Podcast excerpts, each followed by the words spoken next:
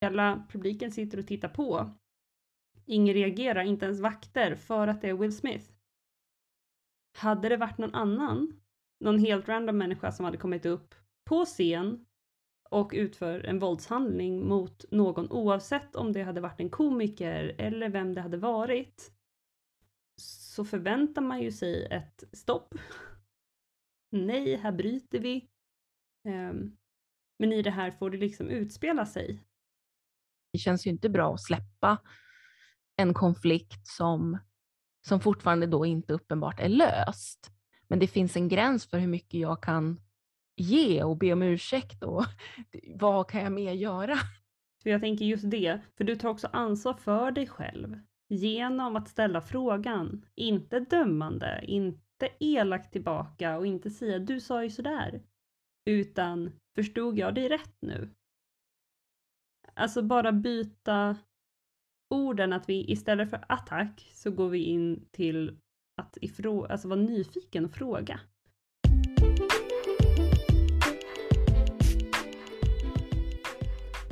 Varmt välkomna till ett nytt avsnitt av poddterapeuten. Och äntligen, äntligen så är det dags för ett nytt avsnitt av Lördagsfika. Lördagsfika med Malin och Erika. I dagens avsnitt så pratar vi om Will Smith och Oscarsgalan och Non-Aggression Principle. Vi pratar om makt och vi pratar om gränser och vi pratar om konflikt. Mycket nöje! Hallå hallå! Välkommen till lördagsfika med Malin och Erika. Hej hej! Hej! Och idag fick jag lyxen att säga hej för jag sitter här med en ny fantastisk mikrofon så förhoppningsvis kan jag höras lite bättre den här veckan. Åh, oh, det är så roligt! Ja! Hur är det med dig idag Malin? Det är bra med mig. Um, jag har haft en jättebra helg. Eh, tittade igår på den nya eh, filmatiseringen av West Side Story. Jaha. jag är fortfarande lite i den faktiskt. Det var otroligt bra film. Jag hade ju, ja, alla har väl sett originalet tror jag. Från... Ja! ja. det är inte jag. uh, Okej, okay. scratch that. West Side Story är ju en klassisk musikal som eh, handlar om två, två gäng i eh, slummens New York för en herrans massa år sedan.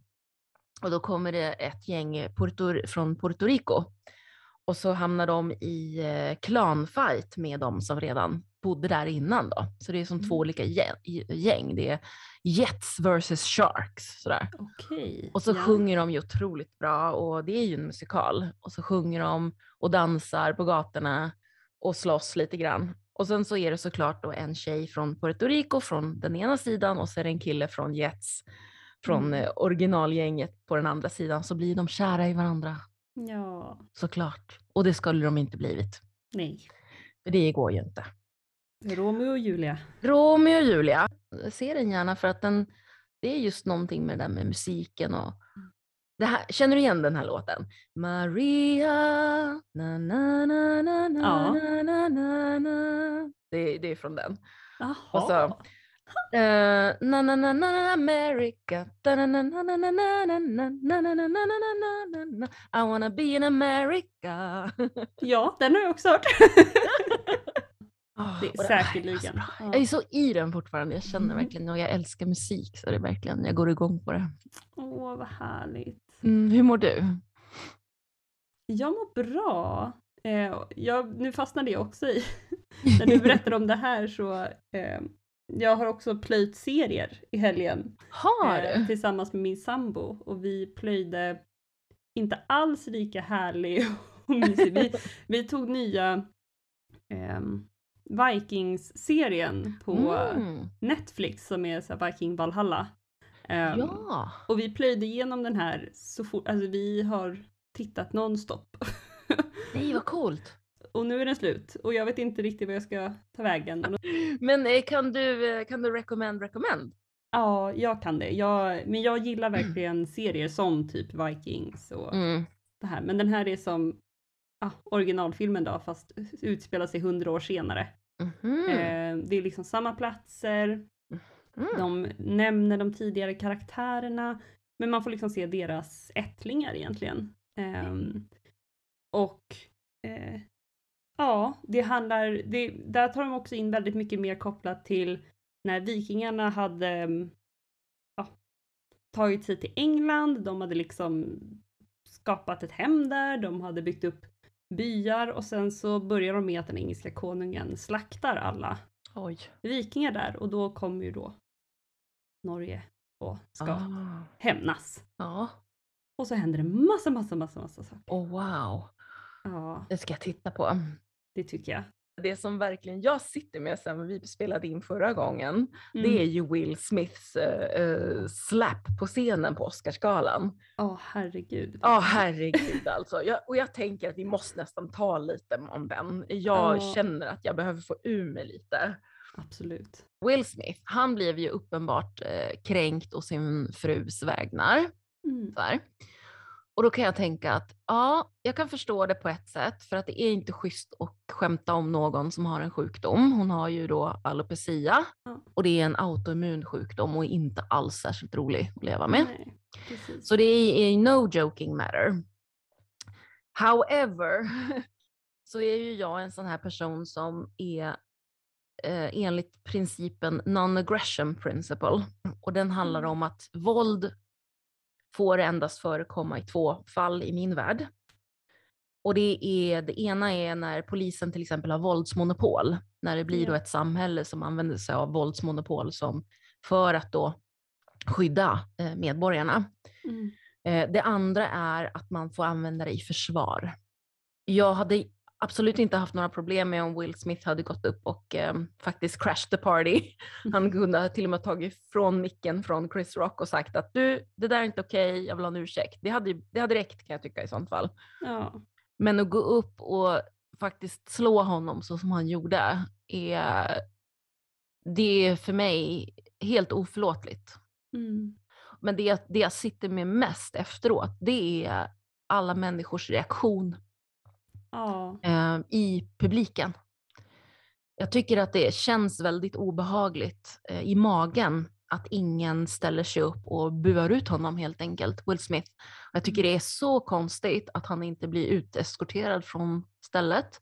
Mm. Jag tycker det är så konstigt att han efter det får ett pris och ja. folk applåderar honom.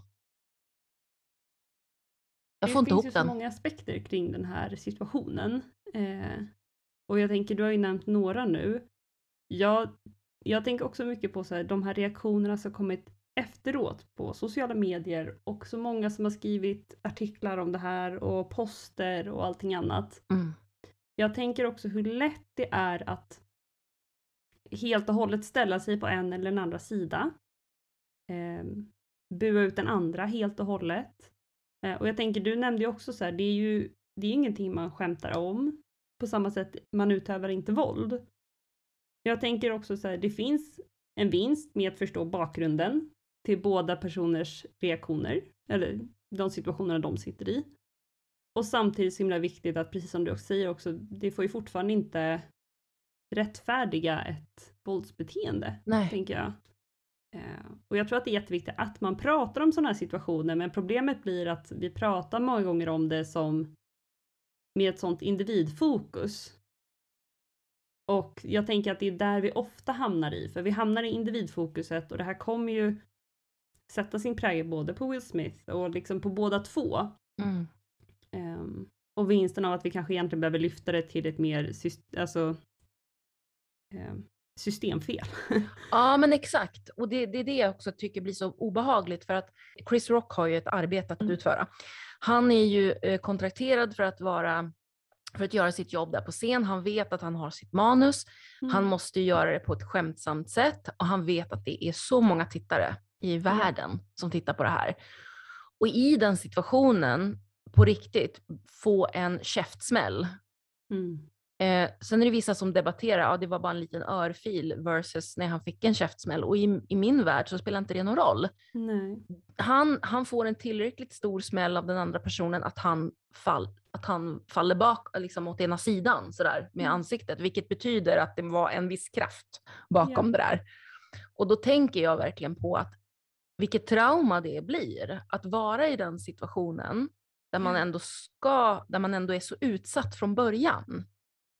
För att du är i en utsatt situation som, som till exempel skådespelare eller som eh, program, programledare, eller, för du, du representerar ett helt, ett helt företag, eh, mm. du representerar ett helt program, du, du är fronten, du är kaptenen för, för, en hel, för ett helt sammanhang och du är rätt värnlös. Mm. Alltså du vet skådespelaren i mig sätter igång.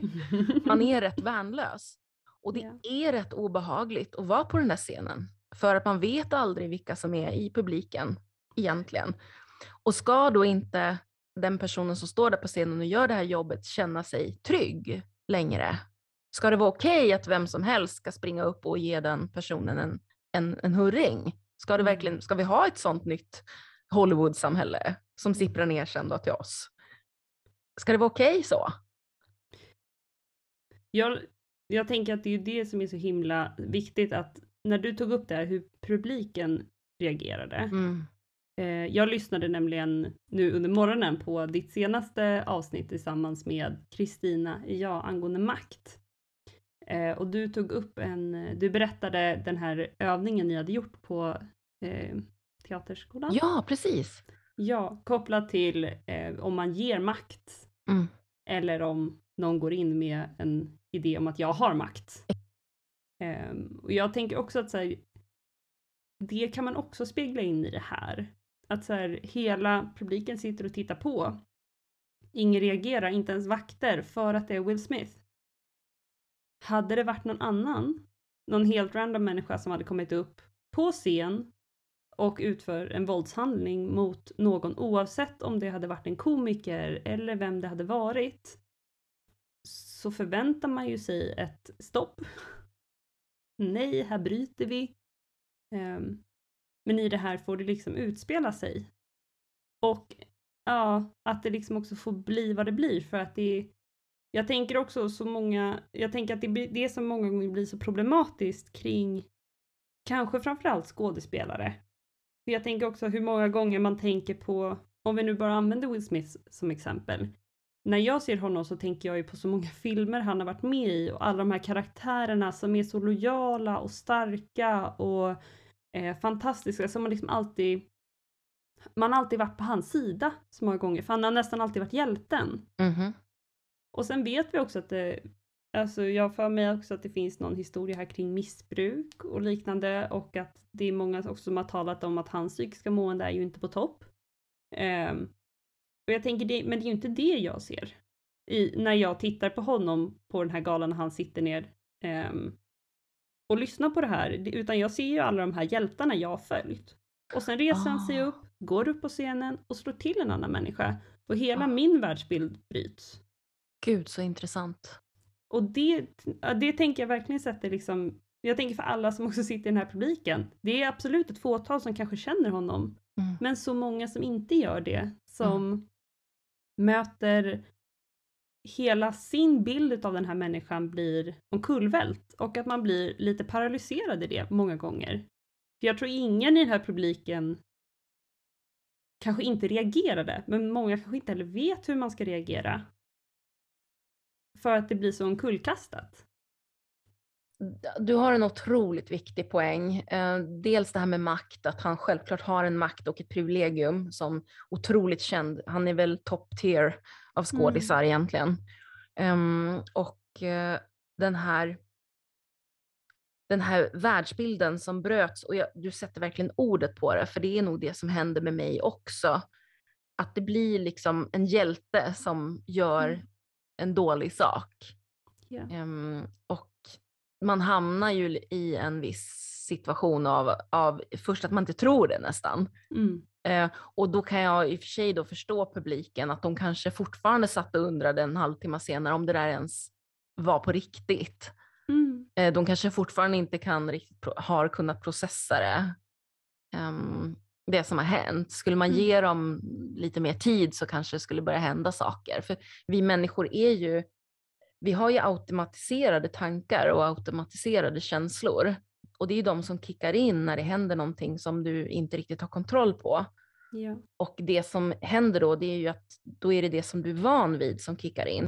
Och då kanske det är så att vi behöver lite tid att processa helt enkelt när det är någonting sånt här som, som händer som, vi, som faktiskt raserar. Ja, och jag tänker många gånger kanske man inte hade med. Jag tänkte bara tillbaka på det när jag berättade för två gånger sedan om personer eh, som har varit viktiga för mig i mitt liv. Mm. Och den här jätteviktiga meningen som, eh, som tog plats hos mig när den här eh, diakonen som jag möttes satte ord på någonting som verkligen vred om min världsbild. Ja, det är också någonting som där och då hände någonting med mig, men det är ju åren efteråt när jag har processat vidare vad det här gjorde med mig som jag faktiskt kanske kunnat förstå mer vad som skedde i mig där och då. Och jag tänker att alla sådana här saker är ju också så här, det är ju en sak som händer i den första, första situationen när världsbilden förändras. Och sen händer det också så här tiden efteråt, den här frustrationen. Jag tänker man går igenom en process. Det kommer den här ilskan, det kommer förvåningen, alltså alla de här delarna uppstår ju. Eh, när vi ska förhålla oss till att det här har hänt. Och på något sätt ska vi komma tillbaka till en vardag här också. Där vi också ser pepprat på med massa bilder om den här våldet och sen så nu börjar det komma upp massa roliga memes där man liksom driver om den här situationen. Ja. Eh, jag tänker det görs ju till ett stort spektakel liksom. ja, exakt. På gott och ont liksom. Ja, men jag, jag fattar. Och jag, det är bara det att om man går efter någon, om man har det väldigt djupt i sig, alltså non-aggression principle, alltså det sitter så djupt hos mig, Mm. då är det verkligen sådär att det är nolltolerans för mig. Ja. Så det spelar ingen roll att, om det är Will Smith eller om, om det är kungen själv. Liksom. Du går inte upp och slår någon annan. Det är liksom, för mig är det så, för, att- särskilt när vi har en, en värld just nu där det förekommer mer och mer våld, menar, där till och med lärare blir mördade. Mm. De blir mördade på jobbet Ja. och det skjuts i skolor. Mm. Den här gränsen har ju verkligen överträtts från att ha ett normalt samhälle där vi har eh, konflikt enligt konstens alla regler och så har vi maktmissbruk och maktutövning, alltså våldsmakt. Mm. Och ska vi ha ett sådant samhälle nu där våldsmakten ska få vara en naturlig del av konflikthantering och maktuppvisande, att till och med inte ens Hollywood längre kan, kan bära sig själv på något vis, inte ens uppbära sin egen världsbild längre. Ja men precis, jag tänker för det är just det, det väcker ju ännu mer saker i en. Och jag tänker där är det också så viktigt, tänker jag också ens relation till, nu har det här skett. Och jag tänker som du också säger, så här, vi behöver ju också bilda oss en ny uppfattning om exempelvis Will Smith. Hur vi själva förhåller oss till det. Om vi tidigare sett honom som en hjälte, vad är han nu då för oss?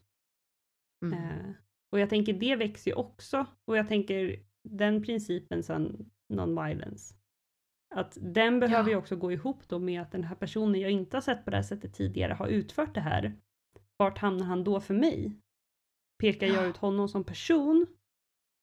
Eller är det hans handling? Eller vad, vad väcks i mig när jag tänker på Will Smith? Det är ju någonting som måste processas fram, tänker jag.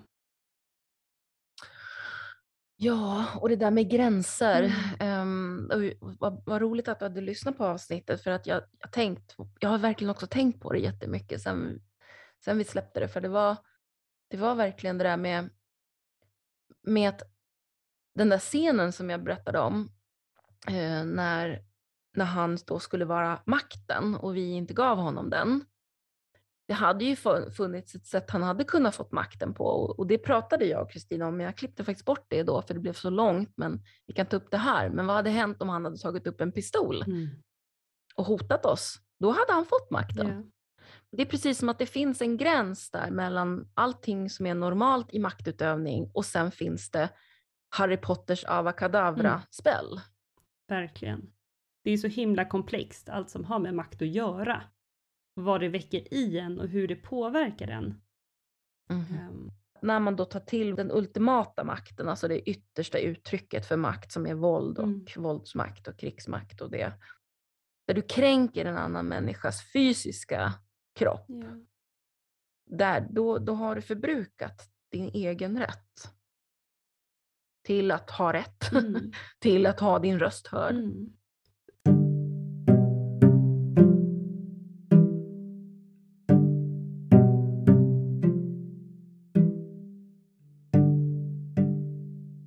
För om man bara lyssnar på själva den non-aggression principle, för att skrika på någon, att hota någon, det är ju också makt. Men det är inte Oh ja. en fysisk makt, utan det är en psykisk makt. Exakt. Och då är ju det också, vart går din gräns inom den här principen för dig? Och det låter som Ja, att det är precis. fysiskt. Det här går gränsen för dig. Ja, eh, för den principen går det det. Eh, För då har du helt förbrukat mm, din rätt att ha någon, något argument överhuvudtaget. Men det finns självklart, om, om, om vi tar bort våldsbiten då, Mm. så finns det också en gräns självklart. Jag tar ett hypotetiskt exempel. Om vi låt säga att jag har konflikt med en person. I den här konflikten, i den här relationen, så börjar min gräns gå för hur långt kan jag ta det? alltså hur mycket kan jag ge utan att det börjar bli nästan parodiskt? Är personen verkligen ute efter en förståelse och att jag hörde personen eller är det någonting annat som personen faktiskt vill ha? Ja. Vilket behov är det personen liksom söker efter? Alltså få få tillgodosett. Ja. Mm. Och där går ju såklart den här gränsen för mig då. ehm, att nu, nu räcker det. Nu, nu har jag gjort det jag kan och det känns fortfarande inte bra då i magen. Det känns ju inte bra att släppa en konflikt som, som fortfarande då inte uppenbart är löst. Mm. Men det finns en gräns för hur mycket jag kan ge och be om ursäkt och vad kan jag mer göra? Ja, men för, det, för det jag tänker, alltså i det så tänker jag också så att det blir ju också svårt att ge någonting personen inte ber om. Mm. När du har ehm, känt att Nej, men det där var, nu blev mina gränser eh, överträdda, och vad brukar du göra då? Mm. Ja, absolut. Både att mina gränser blir överträdda och att jag trampar över andras. Ehm, och att det känns väldigt olika. Vilken utav situationerna man är i. Åh, berätta mer. Hur känns det? Ja, eh, jag tänker det är ju en sak när jag känner att mina gränser blir klivna på eller övertrampade. För där känner jag ju ändå ett stort ansvar att säga okej här behöver jag på något sätt markera. Där känner jag på något sätt att så här, här har jag ändå makten att ta ansvar för det här. Här har jag makten att försöka möta det. Går inte alltid, poängtera. Det det är fortfarande teoretiska. Eh, här har jag fortfarande ett ansvar, så på något sätt så får jag fortfarande rätt mycket ehm, styrka på något sätt i att veta att så här, jag kanske inte kan lösa den här situationen, men jag kan fortfarande gå dit och poängtera att du, det här blev inte bra.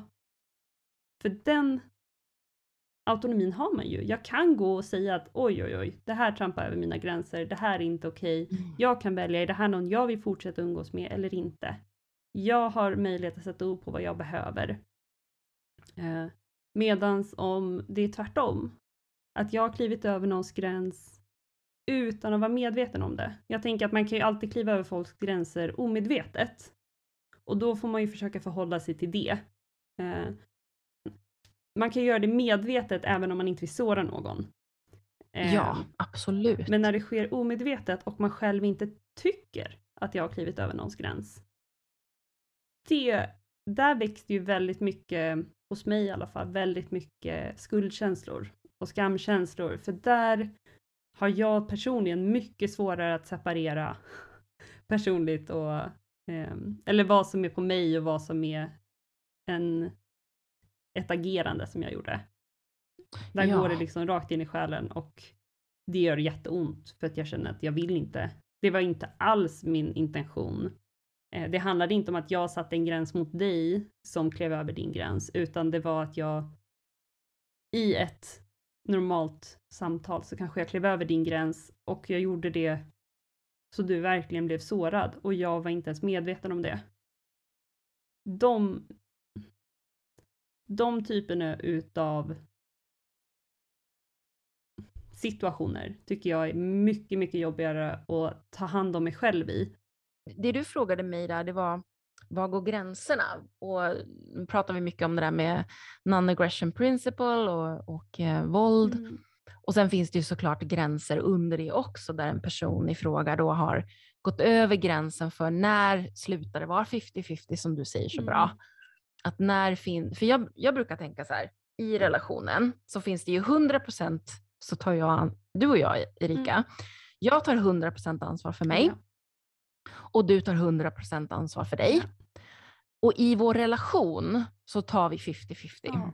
Exakt. Så det är tre delar i en kontakt. Det är du, jag och vi. Ja.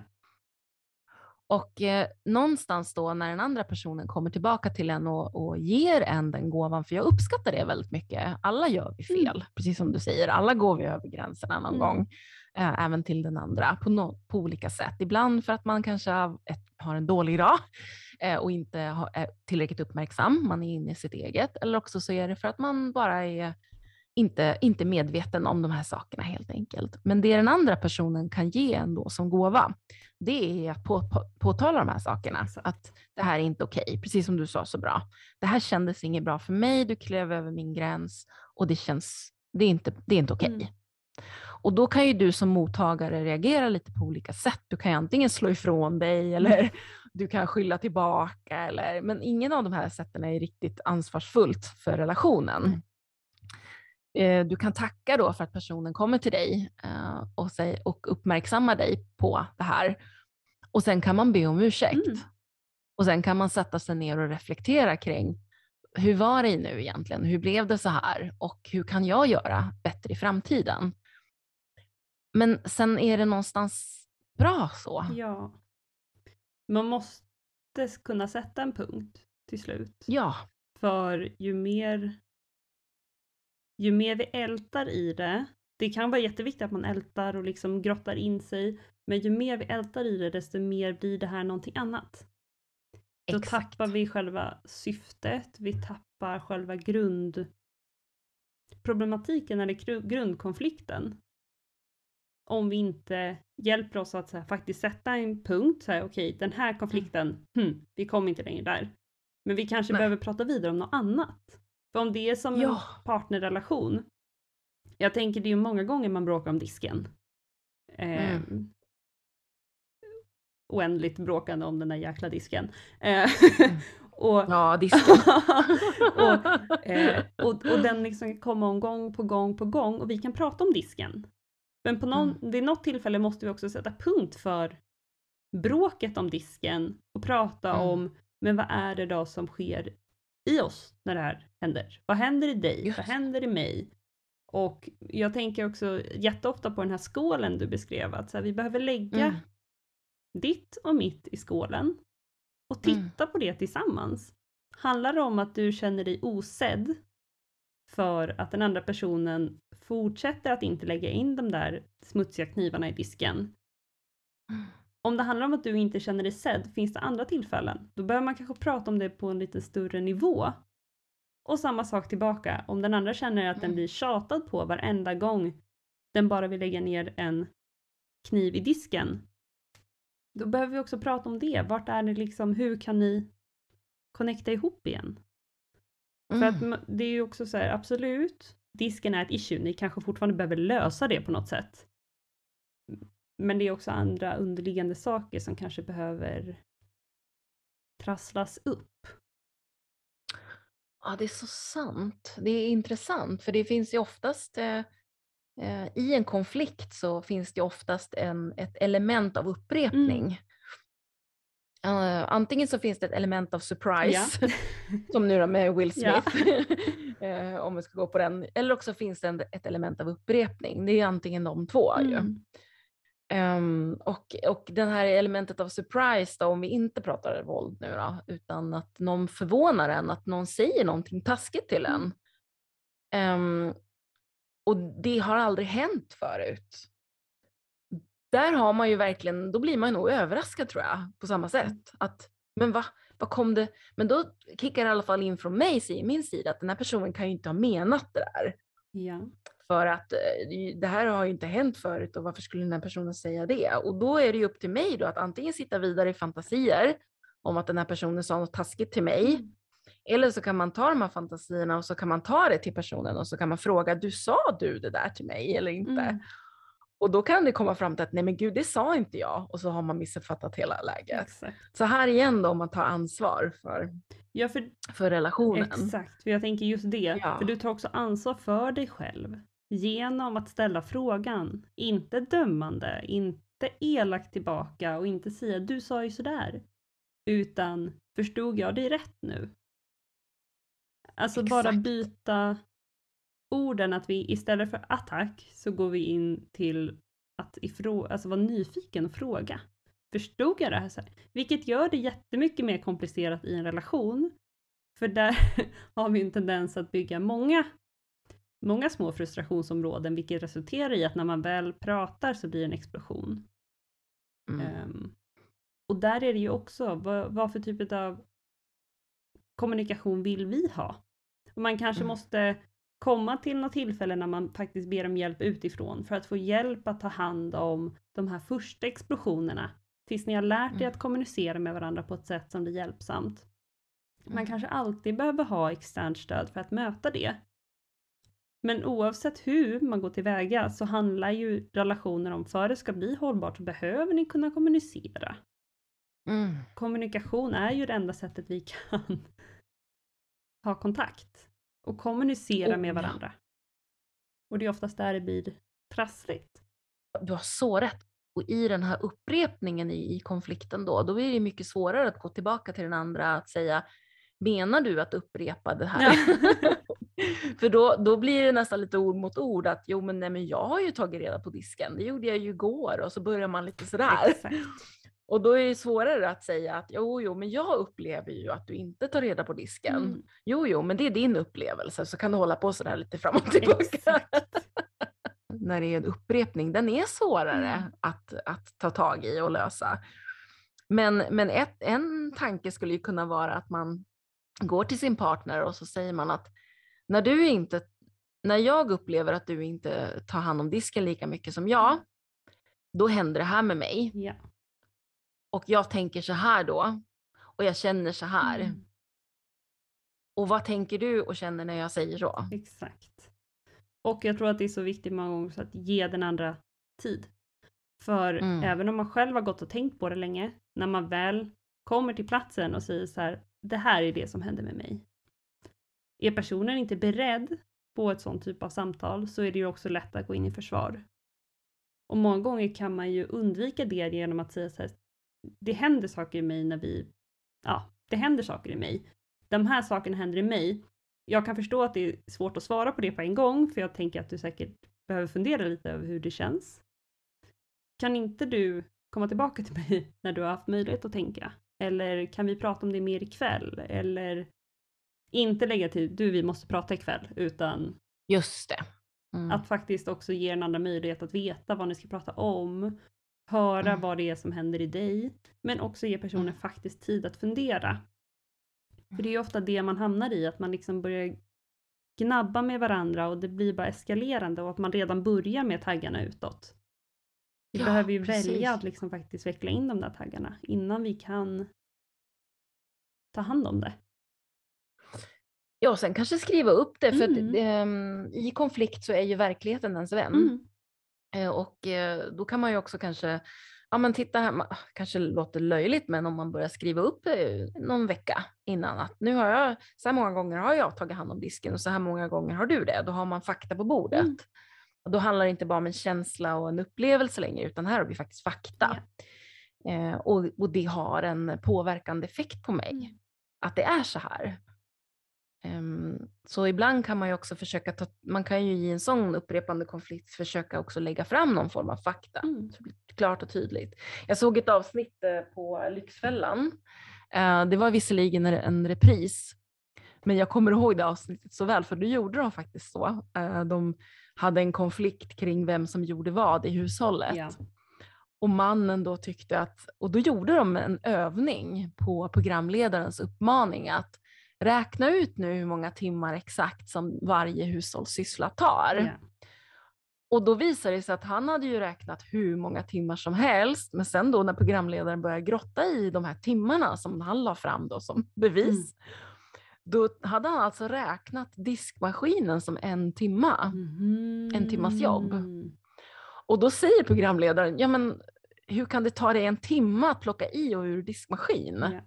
Ja men den går ju så långt. Ja. Ja men du står väl inte och tittar en timme medan diskmaskinen går? Och, jag tänker, och det är ju det här som är så himla viktigt, tänker jag. Att så här, det handlar ju också om ens upplevelse. Och då, är också, då behöver man ju också kanske lägga det på bordet och bara, men va? Vad hände nu? Och han tyckte nog det. Ja. Han tyckte att det var jobbigt för att han visste att när den går, då kan inte han helt slappna av. Nej. För han vet att när den är klar, då har jag mina fem minuter som jag måste plocka ur den. Mm.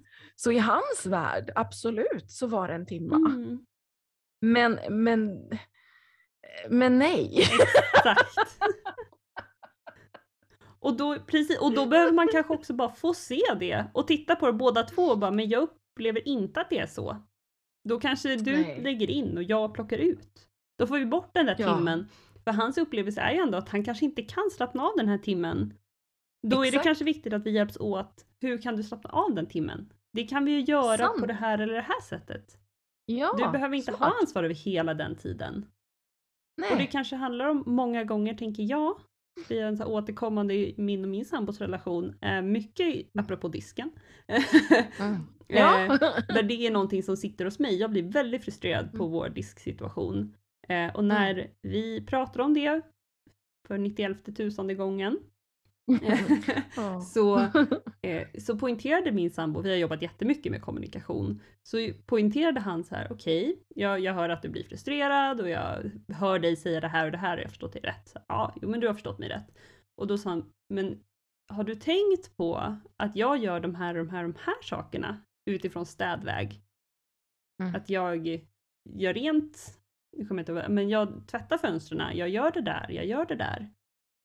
Och det hade jag inte alls tänkt på. För mig hade det blivit, alltså min frustration över disken har ju liksom förminskat min syn på att det enda jag ser under mina skygglappar är ju den där jäkla disken.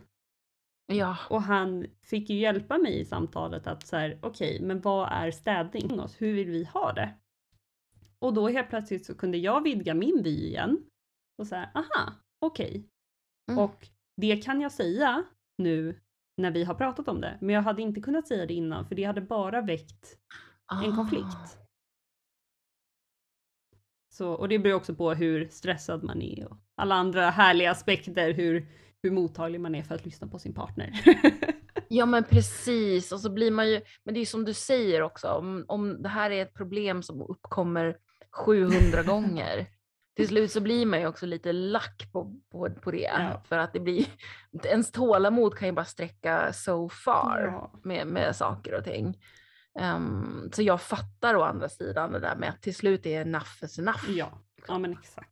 Och jag, Ja. och jag tänker en viktig aspekt i det också är ju att när vi pratade om det här från början ehm, så landade väldigt mycket saker hos mig att säga okej men om jag drar Mm. min tanke vidare till att, att han bara lämnar disken där då satt ju jag med en upplevelse av att nej men okej men han tänker att jag plockar undan det här. Och vad innebär Ja, det? det. Klarar inte han av att göra det? Och det Mm. liksom fortsätter ju till att någon, någon katastroftanke att "Nej, men han älskar inte mig, vi kommer aldrig kunna leva ihop och jag behöver vara hans mamma och sånt där. Så att det, det hinner ju också gå väldigt långt i mina tankar om vi faktiskt inte lyfter och pratar om det. Och Mm. nu vet jag varför han inte plockar in disken. För att han tänker inte på det. Han orkar inte öppna diskmaskinen och kolla om det är smutsigt. Så han lägger den där och så tänker han, äh, jag lägger in den om ett tag när jag ändå ska kolla. Och sen har han glömt bort det när han har gått därifrån. Eh, jag får ju också större förståelse för varför. Det handlar inte om att han tänker att jag ska kunna flytta den där åt honom. Utan att han har en tanke om att göra det, men det blev inte av. På samma sätt som jag lägger min tröja här. Ja. Till sen. Ja, jag fattar. Ja. Och vi människor, vi är ju så spännande på det sättet att vi gör ju det som funkar. Ja. Så är det någonting som att ni har en upprepande kon- konflikt kring ett mönster då som sker och han ändå någonstans gång på gång inser ju att ja men det blir ju, det tar ju, du tar ju hand, hand om det åt honom. Eh, och, då, och då underförstått så kommer ju kroppen, du vet hur kroppen Ja. den kommer ju ihåg såna här saker och den jobbar ju på sin grej då att ja, men det finns en, en trygghet i att det kommer bli löst ändå. Mm. Ja men verkligen och det är ju Mm. Väldigt sällan, ja och det är ju väldigt Ja. sällan med någon negativ Alltså det är ju väldigt sällan man gör någonting för att vara elak eller dum mot sin partner med fri vilja. Utan precis som du säger, det handlar om rutiner och vad man hamnar i liksom. ja, Mm. och vi är ju bekväma varelser. Jajamensan. då blir också motivationen låg. Mm. Eh, jag menar om, låt säga att er disk, diskmaskin skulle gå sönder Japp. och ni skulle behöva handdiska i någon månad. Då tror jag att motivationen sen för att plocka i och ur diskmaskinen från er båda skulle bli mycket större. Definitivt. Man vet, Det liksom har att- hänt. ja. men då vet man liksom att ja, men det kunde vara värre. Mm. Men det håller ju i sig ett tag. Tills man kommer Ja, tillbaka till vardagen och bara Ja, ja, vi är vanedjur. Ja. Åh, ja, gudars Ja, skymning. gud. Just det, apropå det Malin, jag ser att klockan börjar ticka Mm. iväg. Men Ja, eh, jag tänkte bara komma med lite tråkiga nyheter. åh nej! Du kommer ihåg lilla Minx som var med för ett par veckor sedan i vår podd. Eh, Ja. Förra veckan så behövde vi ta bort honom. Så att Nej. mm, tyvärr, han trillade och slog sig illa. Men Tyvärr akut åh. bort honom. Ehm, vilket känns jättetråkigt men det kändes som ett Mm. Vi hade liksom inget annat val och det var det alternativet vi hade. Men åh, Mm. Minx. Ja, men det var Vår poddrotta. exakt och då kände jag ändå där, även om det var jättesorgligt allt det så kändes det, men vad fint för som jag nämnde när han var med i det här avsnittet det är att han har alltid varit en Mm. väldigt tyst och lugn råtta. Som aldrig gör så Mm. mycket väsen av sig. Men just när vi skulle spela in den podden så var han ju otroligt ja, ja. ljudlig. Så att, eh, och då ville han nog antagligen vara med. Så att jag tänker att det var säkerligen planerat från hans håll att nu ska jag hänga med här lite. Eh, Ja men åh, vila i frid finaste Minx. Mm, lille Nu är skrutten. han i himlen. Ja. Det är han. Tack för att du berättade. Lille skrutten. Men vi har ett ansvar för djur. Ja, När vi eh, införskaffar våra vänner så har vi ett ansvar för dem. ja, Och då ska vi ha ett ansvar för att se till att de mår bra. exakt. Och då måste man ibland ta bort sina egna behov och- och vad man behöver Exakt. för att se till vad de behöver och vad som är bäst för dem. Ja, Och då, det, då ingår ju tyvärr det där med att ibland behöva ta de där svåra besluten verkligen. som gör ont Verkligen. men som är bäst för, för djuret. Ja. Lilla gubben. Ja, all right. Men det här avsnittet det blev ju, ehm, det handlade mycket om eh, våld från början där då. Våld och makt och Will Smith och kändisskap. Ja. Och sen så pratade vi om gränssättning och eh, ansvar i relationer ja. och, eh, och disk. Och disk. Mycket disk. Och disk. Och, sen fick, och så fick vi säga hej då till Minx. Ja, fina grabben. Så det blev ju verkligen, det är ju som vanligt med dig och mig, det är som du sa så bra förra gången, att vi är så mycket här och nu, att det blir verkligen också här och nu. Ja, Vi, har ju, vi har ju en tanke när vi ska spela in att vi ska vara det också, Mm. och då blir det så här. ja. Och återigen Mm. så hann vi inte gå in på tre personer. Jag, börjar känna så här, jag bara drar dem så här, det är tre man, klart! Jag har också tänkt på det, så här, ska, vi bara, ska vi bara slänga in det här nu? Och samtidigt så bara, nej det är inte det som är vinsten. Vi tar det när det Nej. kommer. Det kommer komma Det kommer. rätt tillfälle. Men, men jag har ju så många, det är det som är mitt problem, jag har ju så många att välja på för jag har så många som har Ja. influerat mig på olika sätt och jag, det känns nästan orättvist att ta en för då glömmer man en annan. Jag skulle vilja ha en lista på 50 personer eller så. Men det, kanske, men det kanske också visar att, för du lyfte en annan tanke om eh, istället för tre personer som har gjort avtryck i ditt liv, tre stycken Ja. aha-upplevelser.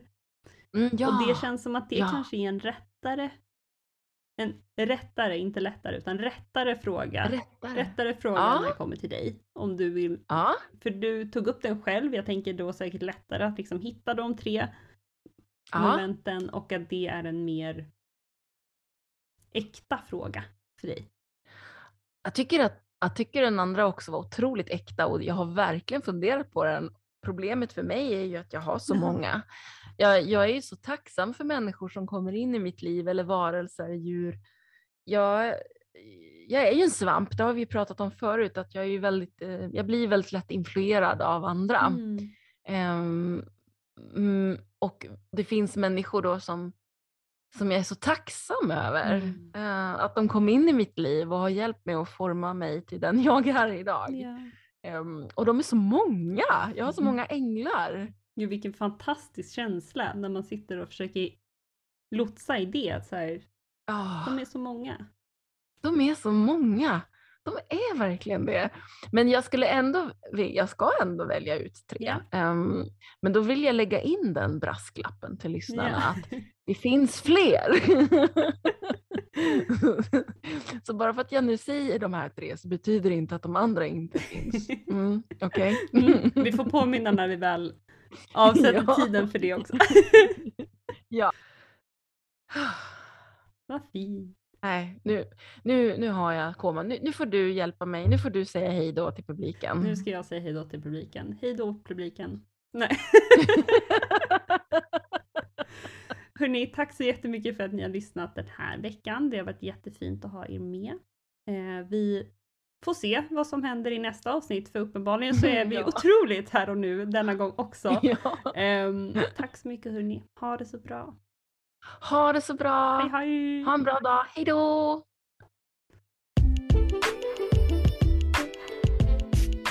Och det där var allt för dagens avsnitt av poddterapeuten och lördagsfika med Malin och Erika. Hoppas att ni hade en trevlig fikastund tillsammans med oss. Det var väldigt, väldigt roligt att spela in det här avsnittet. Som vanligt, det är så kul med lördagsfika. Det här konceptet är verkligen en hit måste jag säga. Så tack Erika för ytterligare ett otroligt givande och roligt samtal och intressant. Vill du vara med i poddterapeuten så tveka inte. Mejla på poddterapeuten.gmail.com. Sen har jag en önskan eh, av dig som lyssnar och det är att du delar det här avsnittet. Dela det med dina vänner, din familj, dina arbetskompisar etc.